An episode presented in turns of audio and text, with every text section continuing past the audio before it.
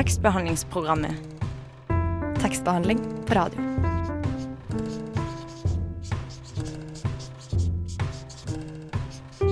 Tekstbehandlingsprogrammet.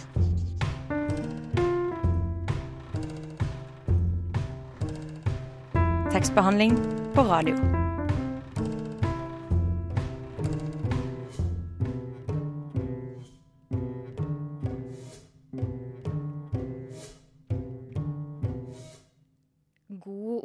Onsdag morgen og velkommen til en ny sending med oss her i tekstbehandlingsprogrammet på Radio Nova. Mitt navn det er Mari Nyberget, og med meg i dag har jeg deg, Stine Spjelkavik Hansen. Og om litt så får vi besøk av forfatter Marie Aubert, som skal snakke med oss om eh, den nye novellesamlingen hennes 'Kan jeg bli med deg hjem'. Vi skal også få et uh, utdrag med forfatteren Dan Andersen fra da han leste fra diktboka 'Flaggtale' for oss tidligere i vår. Men eh, aller først så skal vi få høre en sang fra Radionovas A-liste denne uka. Her får du Diskobeistet med låten 'Blåser kaldt'. Hallo, mitt navn er Knut Nærum, og du hører på tekstbehandlingsprogrammet. Jeg går i hvert fall ut fra at du gjør det. Ja, du hørte låta 'Diskobeistet' med 'Blåser kaldt' her i Radio Novas litteraturmagasin, hvor vi nå har fått besøk av eh, deg, forfatter Marie Aubert. Hei. Du, du debuterte med novellesamlingen 'Kan jeg bli med deg hjem' denne høsten her. og Hvordan, hvordan har det vært å debutere? Først og fremst så har det bare vært utrolig gøy. Og, eh, og mye morsommere enn jeg trodde også. Trodde du det skulle bli eh, skummelt? Ikke akkurat skummelt, men jeg tenkte vel mer sånn at det er ikke noe lett å være noe synlig. Kanskje jeg får én eller to eller kanskje tre anmeldelser. Og eh, da får man jo bare håpe at det er bra.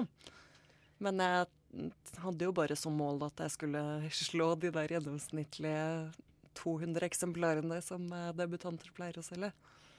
Og så har det gått veldig mye bedre enn det. Så det, jeg har bare svedd litt høyt i noen uker nå, egentlig. Ja, jeg ser jo titt ofte at uh, du popper opp i Facebook-feeden min. Jeg vet ikke om det er fordi jeg har googla og forberedt meg til sendinga, men jeg tror ikke det. Uh, men hvordan, har, uh, hvordan syns du at responsen har vært? Har det vært mye trekk? Ja, det har vært overveldende, egentlig. Det har blitt anmeldt mange steder. jeg tror det er tolv nå, og det er mer enn vanlig. Og det er veldig mye mer enn jeg trodde jeg skulle få. Og så har det vært veldig gode anmeldelser så stort sett også, så det, det, har vært kjempegøy. Særlig det der å bare kjenne at man blir lest på en uh, bra måte, da. Og at kritikerne ser uh, ting som jeg også har tenkt. Ikke sant. Men hva, hva tenker du om det? Hva kan liksom hva er det du har gjort som slår så bra an? Det er kanskje litt vanskelig å si selv, men mm. har du gjort deg noen tanker rundt det? Jeg tror for det første jeg skriver litt sånn om temaer som mange kjenner seg litt igjen i. Det handler jo mye om eh, ja, nå Si det litt banalt, som mellommenneskelige relasjoner. Men det, om eh, brudd og om eh, å miste venner eller kjærester. Og om å være veldig forelska i noen. Og om Men også litt sånn uvanlige ting som å skulle adoptere, men ikke klare å knytte seg til det barnet, eller å begynne å ljuge for han du er veldig forelska i, for å beholde han, eller uh, en dame som har kommet ut av uh, fengsel for første gang. Så det er virkelig ting folk kan kjenne seg igjen i, selv om de kanskje ikke har En del av det, i hvert fall. Ja, ja, ikke alle som har vært i fengsel, kanskje. Men... Ikke alle. Eh, hvor lang tid har du brukt på å skrive disse novellene? Jeg starta for tre år siden omtrent. For da, da, hadde jeg ikke skrevet noe på veldig mange år. Men så tenkte jeg at jeg måtte ta meg litt sammen og få, få prøvd litt og se om det gikk. Og så sendte jeg et bidrag til eh, en novellekonkurranse som Litteratur på blå hadde, i samarbeid med Vinduet. Og da tenkte jeg liksom at OK, kanskje jeg får en uh, OK tilbakemelding, eller litt sånn en klapp på skulderen. 'Dette var hyggelig. Fortsett sånn. Kanskje dette blir fint en dag.' liksom. Men så vant den faktisk. Det, det, er den som er blitt den første novellen i boka. Og eh, da var den på trykk i vinduet, og da var det en redaktør fra Oktober som leste den. Og ringte og spurte om jeg hadde noe mer, da. Og da gjorde jeg tidenes dårligste innsalg, for da sa jeg bare at uh, nei. jeg har ingenting. Absolutt ikke. for jeg hadde jo ikke det. Og så, og så, sa jeg til henne at så har jeg fått ny jobb, så jeg kommer sikkert ikke til å ha tid heller. så hun ble litt sånn ah, ja, ja ja, nei, OK, liksom. Og så måtte jeg ringe opp og bare si Men jeg har veldig, veldig, veldig lyst. Så, og så begynte vi å jobbe, da. Så du fikk tid. Til slutt. Ja. Du Flere av novellene er jo litt de samme, omhandler litt de samme tingene, altså mellommenneskelige relasjoner, som du var inne på. Har, det, tenkte du at eh, de skulle gjøre det, eh, eller, eller bare skrev du hver novelle for seg?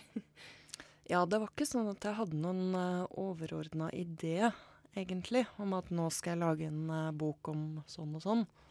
Det har vel bare blitt at det var noen utgangspunkt jeg hadde med åh, den situasjonen er litt spennende, eller hva hvis det er en voksen og et barn også gjør den voksne sånn, eller uh, hva hvis det skjer? At, at jeg, det er det jeg blir litt interessert i å utforske, da, i hvert fall akkurat nå. Mm. Um, ja, vi skal snakke mer om eh, novellesamlingen din, men først skal vi ha et musikalsk avbrekk. Nå blir det låta 'Høy med min baby' av Grå sky her på Radio Nova. Her i tekstbehandlingsprogrammet har vi fremdeles besøk av forfatter Marie Aubert, som nå skal lese et lite utdrag fra en av novellene i samlingen sin for oss. Mm.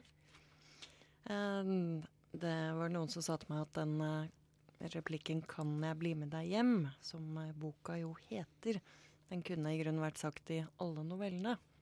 Fordi de har litt sånn tematikk på hver sin måte. Men dette er da faktisk den eneste novellen hvor det sies. Men jeg kommer ikke helt dit nå, da. Men den heter eh, 'Du skulle skamme deg'. Har du bare vært inne siden sist? spør broren min i telefonen. Nja, sier jeg. Han sier ikke noe på en stund, og til slutt må jeg spørre om han er der. Men du kommer i kveld, sier han.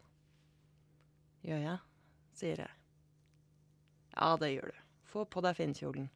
Solveig driver og marinerer kjøtt nå, vi har altfor mye mat. Finnkjolene passer ikke lenger, sier jeg. Broren min puster langt ut gjennom nesa. Altså, det er mange av oss som har vært ute ei vinternatt, sier han. Vinternatt, sier jeg. Ja, ikke sånn som deg. Men de kommer ikke til å være kjipe, det er det jeg mener. De vet hvem du var. Hvem du er. Jeg går på polet likevel. Jeg gjør det. Det er varmt ute, og det er mye folk på senteret. Jeg kjøper billig hvitvin. Det er ikke noe jeg liker å gjøre, men det er sånn det må være. Jeg skal bli en som spiser grillmat og drikker billig vin. Jeg skal være fornøyd med det. Det er bare å komme i gang. Jeg tar ikke av meg solbrillene i det hele tatt.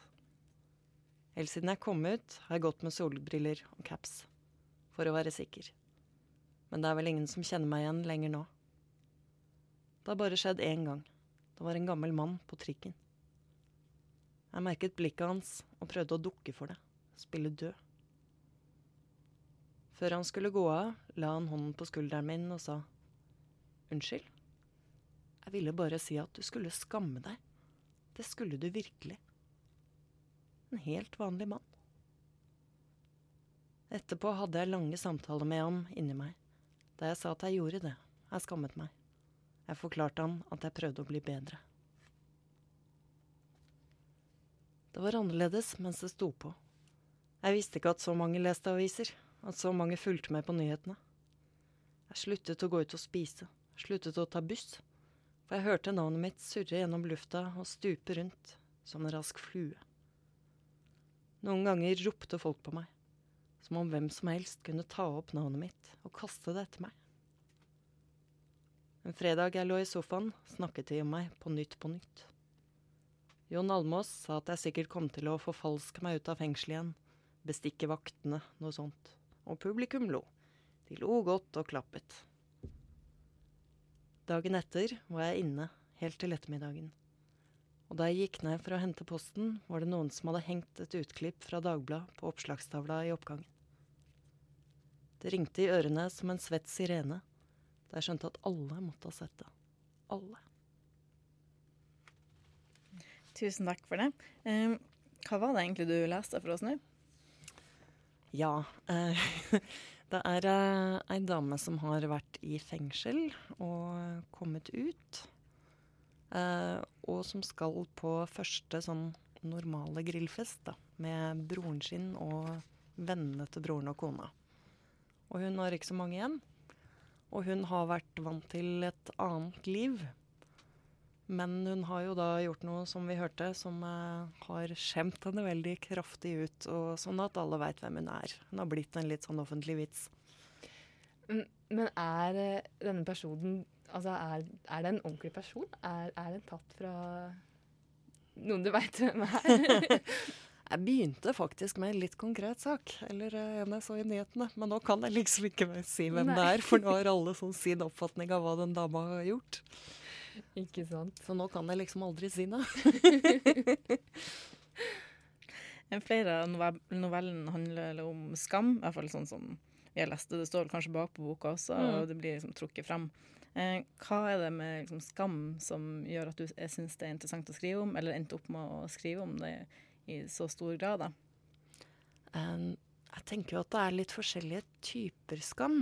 Du har jo um, den der litt sånn vanlige at uh, man er flau over åssen man ser ut, eller man er flau over ting man gjør, eller uh, og, så, um, og så er det jo en uh, litt sånn ting som jeg tenker er bra. Det er ikke all skam som er uh, dårlig. Det er jo også noe som er litt sånn samvittighet, på en måte. Det er veldig mye sånn uh, skriverier om at å, vi må kvitte oss med all skammen. Litt sånn. Jeg syns jo ikke vi skal kvitte oss med all skammen. Jeg syns jo vi skal beholde litt. Det, det er jo viktig at vi klarer å oppføre oss ordentlig mot andre. At vi skammer oss litt og kjenner på det hvis vi uh, er noen rasshøl, på en måte. Så skal vi kjenne på det. det mener jeg jo. Ikke sant. skal jo ikke være frigjort fra liksom samvittighet og eh, rett og galt.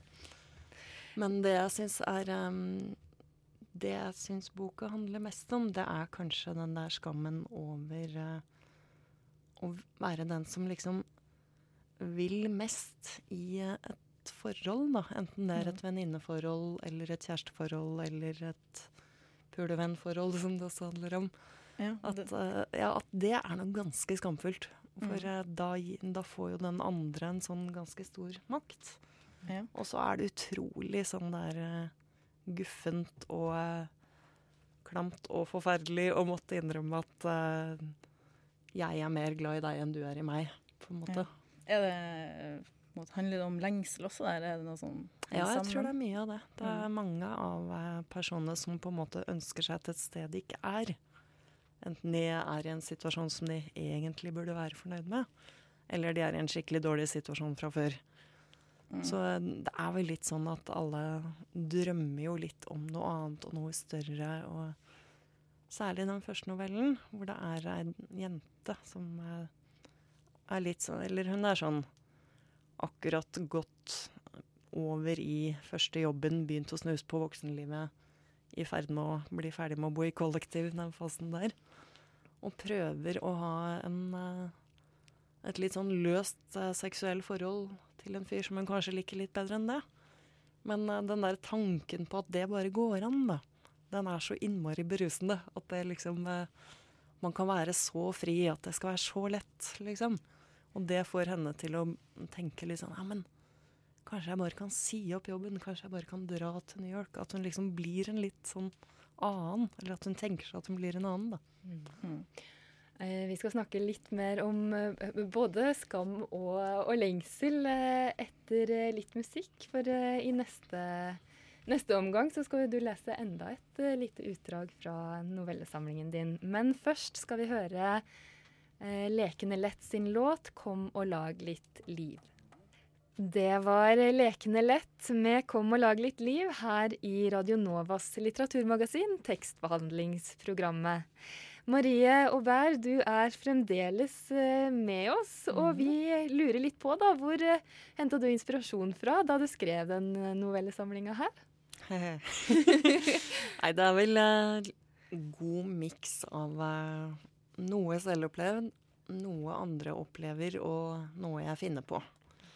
Så Litt, Litt forskjellig. Ja. Nei, jeg kan eh, høre om eh, sånn en Eller f.eks. for eksempel eh, søsteren min er adoptert, og det er en eh, fortelling i boka om eh, adopsjon. Eller en adopsjon som går gærent, er jo på en måte det. Men uh, vi var faktisk ikke nede og henta henne, med sånn som det skjer i historien. Men jeg fikk høre av mange av de andre familiene som var på samme barnehjem, at de store barna som var der, de ble liksom alltid sånn veldig ulykkelige når det kom foreldre og skulle hente mindre barn da, og ta med seg hjem. For de håpa liksom litt sånn der hver gang at det var deres tur, så visste de sånn egentlig at de var for store. Så jeg festa meg så veldig ved det, for det syns jeg var så fælt. Det er jo sånn ganske hjerteskjærende. Så det, det ble jeg litt opptatt av, da. Og så tenkte jeg liksom videre sånn Men hva om det er liksom Hva om man er der for å hente et barn, og så blir man litt glad i et annet et? Er det, går det an, liksom? Så begynte jeg liksom å skrive om det. Men jeg kan finne historier på kvinneguiden.no-forumet også. Altså. Det er ikke det. Det er mye levd liv. Definitivt. Mm. Og I tillegg til å være forfatter, så er du jo informasjonsrådgiver i Kagge forlag. Mm. Eh, Hva går jobben din der ut på, da? Uh, nei, der jobber jeg jo med medielansering av bøker. Så jeg har gitt ut boka mi på Oktober, som er eh, veldig, veldig sterk på skjønnlitteratur. Mens eh, Kagge har jo hovedtyngden sin på sakprosa og dokumentar. Så vi går ikke sånn veldig i beina på hverandre sånn sett. Kan jo legge til også at det er ikke så vanlig å gi ut på det forlaget man jobber, da. Det er vel litt sånn unntak hvis man heter Erling Kagge og har kalt opp forlaget etter seg selv, men eh, de fleste gir ut på andre forlag enn det de jobber i. Eh, men har eh, jobben din i forlaget, hvordan har den eh, påvirka forfatterskapet ditt, eller arbeidet med boka? For du har jobba der samtidig som du skrev. Mhm. Nei, jeg har skrevet ved siden av jobb hele veien. Hadde, eller, jo, jeg hadde noen få uker permisjon for å liksom bli ferdig i fjor. Men ellers har det vært sånn ferier, helger, kveldstid. Men det jeg tror jeg har tatt med meg, er jo litt den der kommersielle lanseringstankegangen, rett og slett. Altså. At jeg tenker at det er en bra ting å være synlig. Jeg syns det er viktig å dele det i sosiale medier når det går bra. Det er, eh, jeg tenker litt sånn at det er eh, Det å være debutant eh, er jo ikke noe sånn at da kan du legge fra deg boka, og så gjør forlaget resten. Så det har jeg nok lært. Ja, er det noe andre forfattere òg kanskje kan ta med seg i større grad? Tenker du det? Mange er jo veldig gode på det, syns jeg. Så det, men det varierer jo veldig. Altså, noen eh, sitter jo og skriver boka si inn i en fjord uten å eh, være tilkobla internett, omtrent. Og eh, mens sånn som jeg og mange andre syns jo at sosiale medier er helt sånn del av å være i verden.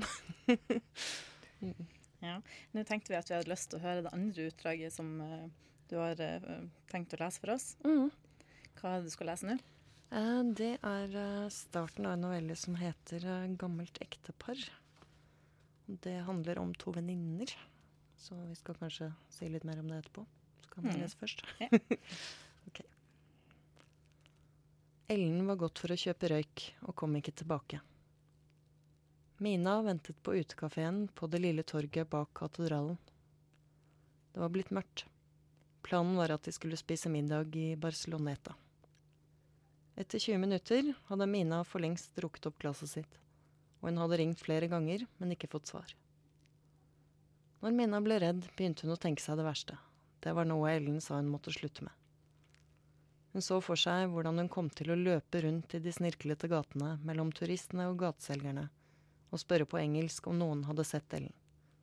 Hele natta ville hun lete, og til slutt ville hun måtte ringe til foreldrene og Sigurd og få dem til å komme ned. Sammen ville de snakke med politiet og ambassaden, og Ellen ville bli etterlyst med det skålebildet Mina hadde tatt av henne den første kvelden i Barcelona. Etter noen uker ville politiet si at det ikke var noen spor. Og så måtte de gi opp og ta flyet hjem, oppløst i tårer. Er sånn som skjer, tenkte Mina. Det skjer på ordentlig. Folk blir bare borte. Og Sigurd ville gi henne skylden. Skal vi gå? sa Ellen. Plutselig sto hun ved bordet, og Mina kvapp til. Hvorfor ble du så lenge? sa Mina. Hun rakk ikke å få igjen kontrollen over ansiktet sitt. De hadde ikke tidpakninger noen steder, sa Ellen. Jeg måtte gå til et supermarked langt ut i Gokk. Jeg prøvde å ringe deg, sa Mina. Men jeg hadde ikke på lyden, sa Ellen. De gikk noen gater ned mot havna og sto i kø på en restaurant der Sigurd hadde sagt at de burde spise. Helt legendarisk, sa Ellen. Legendarisk, tenkte Mina. Det var ikke et Ellen-ord. Det måtte være Sigurd. Ellen hadde skrevet ned alle tipsene hans og lett dem opp i kartboka. Det hadde vært god mat overalt. De spiste tapas og pinchos og drakk rosa cava til det tøyt ut av ørene. Men det var som om Sigurd var der sammen med dem og hadde gått opp hele turen på forhånd. Ellen ringte ham hver kveld mens hun røykte på hotellbalkongen. Hun hadde lav stemme da og en kosete latter. Mina visste ikke hvem hun selv skulle ringt. Det var Ellen hun ville ha ringt til. Det var alltid Ellen hun ville ringe. Men Ellen var jo her. Det høres ut som en uh, fortelling som, om et uh, vennskap som kanskje ikke er helt trøbbelfritt. Nei, det er å holde på å sprekke. Ja. Hva er det Kan du fortelle litt om, uh, om novellen? Mm, det er, er, om to venninner som har bodd sammen og vært veldig tette lenge. Jeg tenker litt sånn at det, det er jo noe jeg syns man nesten snakker og skriver litt lite om.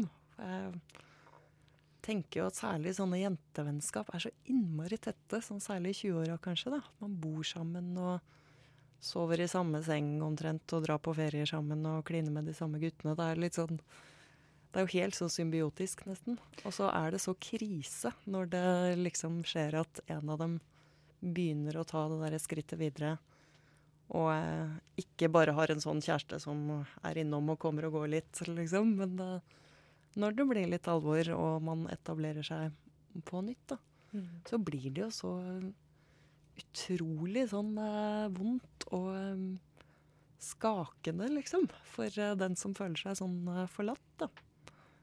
Så um, det er litt det som har skjedd her. Der er det hun Ellen har fått seg en samboer, litt eldre fyr. Flytta ut. Og Mina nekter litt sånn å innse at dette er slutt, på en måte. Eller at dette har forandra seg, i hvert fall. Det er ikke noen hyggelig tur, så det blir ikke noe hyggelig å komme hjem heller. Det kan jeg vel si. Vi skal snakke litt uh, mer med deg etter uh, en uh, låt. Nå kommer A-laget sin 'Hva vil en kjerring ha?' det kan du si. Hallo, Chartersveien her. Jeg passer jaggu meg inn i tekstbehandlingsprogrammet også. Jeg syns at døra bør stå på gløtt. Tekstbehandlingsprogrammet holder døra oppe for alle. Lar du døra di være litt åpen Ja, før Chartersveien så hørte vi nettopp A-laget med låta 'Hva vil ei kjerring ha'? Over til noe helt annet. Marie Aubert, kan du fortelle litt, har du alltid ønska å skrive? Er det noe du alltid har tenkt at du skal gjøre? Ja, det tror jeg. Ja. Jeg kan liksom ikke huske at jeg ikke har gjort det, på en måte. Og så jeg tror det var noe jeg begynte med sånn nesten samtidig som jeg begynte med å lese. Ja, og du har jo gått på Skrivekunstakademiet for en stund siden du salve og mm. var 15 år siden eller noe sånt. Ja. Eh, hvorfor har det på en måte tatt så lang tid før eh, Eh, fra du gikk der til du har gitt ut noe? Um, det er nesten sånn litt vanskelig å svare på, for jeg veit ikke hvorfor, uh, hvorfor jeg lot være en veldig lang stund.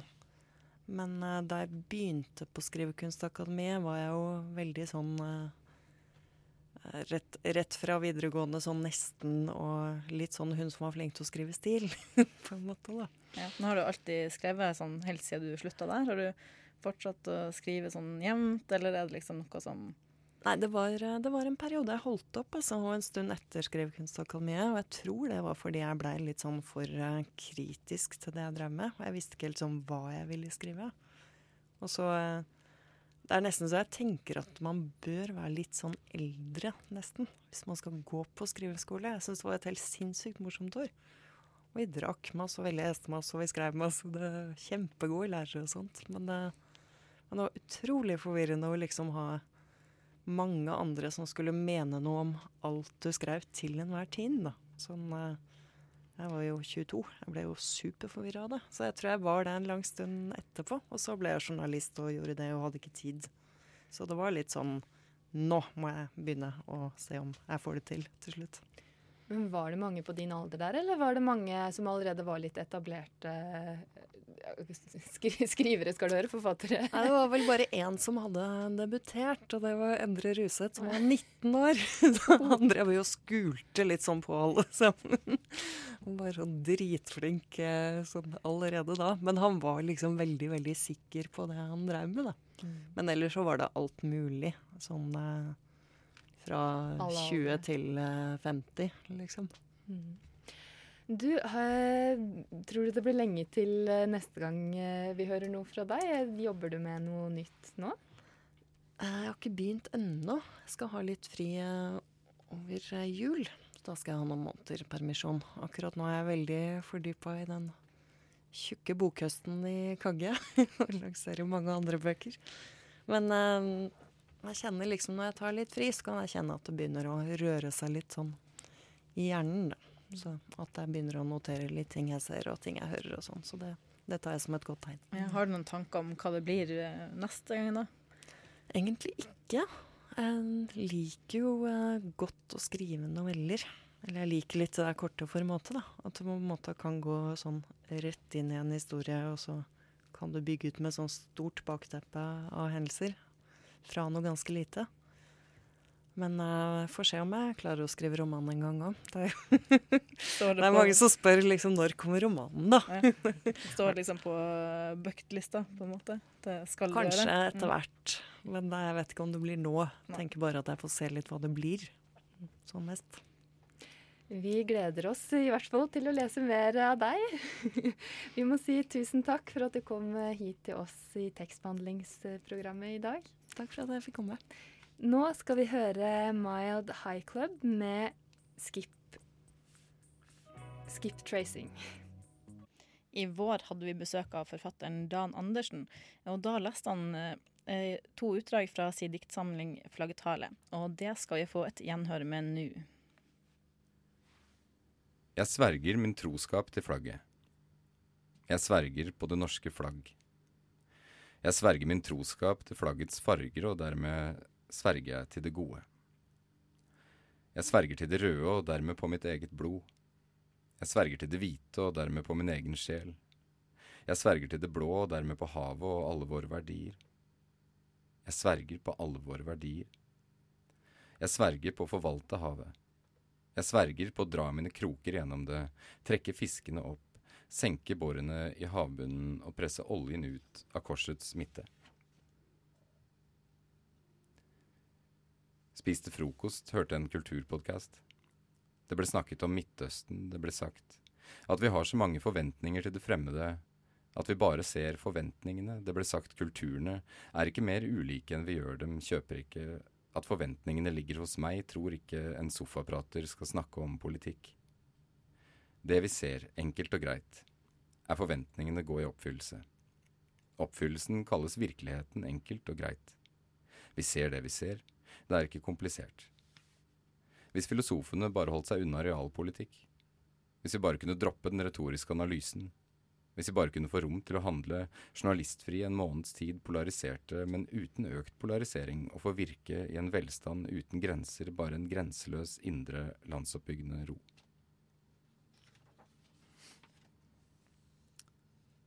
Vi forteller hverandre om ulver i utkanten. Men den som skal komme, er midt iblant oss. Hver dag full av sprengningssignaler, men ingen detonasjon. Det er fortsatt lammenes dag. Ingen her vet når det virkelige smellet kommer.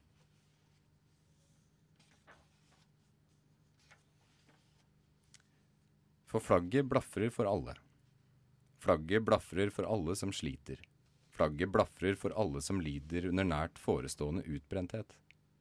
Flagget blafrer for ME. Flagget blafrer for sukkersyke. Flagget blafrer for homofiles ubegrensede rettigheter. Deres uinnskrenkede friheter. Men om du, eller noen i ditt miljø, skulle mene at toleransen har sine grenser, at rettighetene må trekkes tilbake, av hensyn til menneskehetens beste og vårt felles flagg, for å redde velstanden eller bevare en gammel ære. Så heis flagget, og ingen vil skade deg.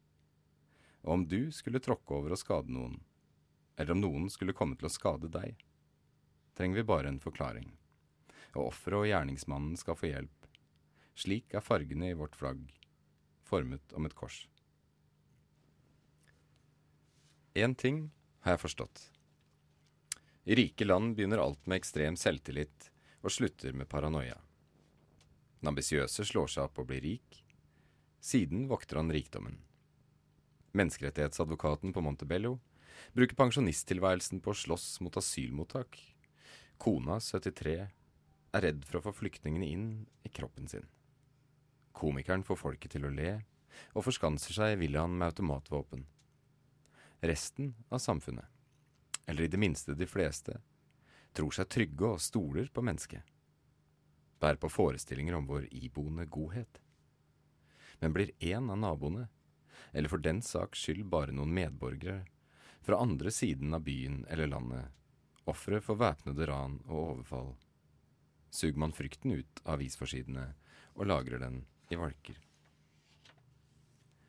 Om ett eneste menneske av fem millioner blir oppdaget idet det spiser et annet, eller skulle vise seg å ha født barn i hemmelighet, for så å drepe dem og fryse dem ned, trygler vi om at noen skal komme og redde oss fra hvem, som om vi selv satt fanget i kjelleren. En tanke. Det er ikke bare Josef Fritzel som er Josef Fritzel. Det finnes flere Josef Fritzel og flere døtre som skal føde fedrenes barn, i bokstavelig og overført betydning, for alt vi vet, her i landet hvor vi bor, er vi alle kjellerdøtre. Som Facebook og Twitter en rover av gode intensjoner, skvulper frykten i landsmennene og gjør oss angripelige. Det at ingen marsjerer for annet enn prinsipper, eller kun protesterer i vennegrupper på nett, gjør oss mer sårbare enn vi tror, mer utsatt enn rikdommen tillater om du ikke er klar for å dø vil jeg ikke høre snakk, om ytringsfrihet ikke høre snakk, om et verdig liv i slike spørsmål har du ingen rett. Du har ingen rett til å ta bilder av frokosten din hjemmelaget musli med friske bær, ingen rett. Til å holde deg oppdatert, poste innlegg, ingen rett. Til å hetse politikere for utsendelsen av asylbårne, ingen rett. Til å protestere mot nedleggelsen av Tronsmo sakene rangert. Fra minst viktig til viktigst. Har du husket å slette bildene av barna dine? Har du husket å avbestille Al Jazeera? Husk at det er typisk norsk å være god. Og derfor er det typisk norsk å ha en slavenatur. Ikke minst jeg du, håper jeg du husker at du har forandret deg og at du ikke ligner forfedrene, de vi med en viss mengde patos hevder at bygde landet. Dem som i sin samtid også var omgitt av livredde skygger, som stilte seg på kne for en sekk poteter og gråt så fort Gud eller pisken kom fram, og derfor ble behandlet som slavene de var. Dyden bor i handling, ikke kvaler. Det spiller ingen rolle om oldefar skamklipte tyskertøsene av hjertets godhet, eller som flokkdyr horene fikk bedre enn fortjent. Ingen kan terrorisere de fryktløse, ingen kan knekke en ubendig vilje. Den gode tyven lærer seg å stjele like godt uten hender. Hvem skal redde bøddelen fra bombene våre? Du kan ikke stoppe smerten før du møter den. Du kan ikke unnfly døden. Før du vil rispe ditt eget øye, ingen rettferd, uten at du faktisk reiser.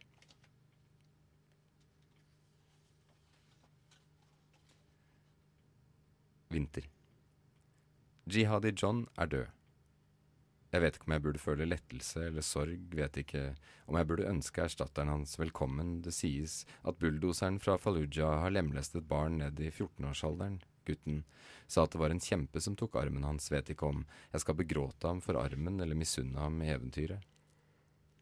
Hvor kjølig er ikke vannet etter 40 år i ørkenen, hvor frisk er ikke luften etter 14 år i fangenskap, jeg hører ropet fra 70 år med etterkrig snurre på stolen, ser nye båter, nye tog komme inn.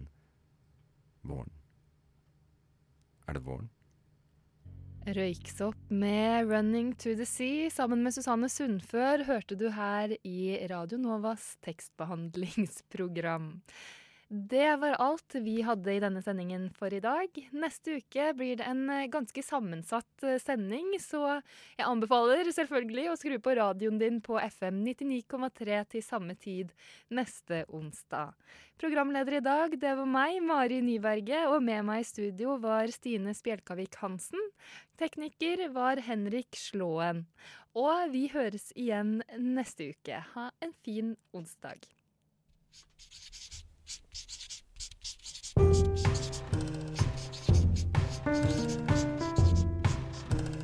Tekstbehandlingsprogrammet.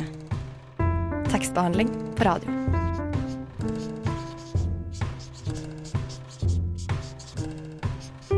Tekstbehandlingsprogrammet.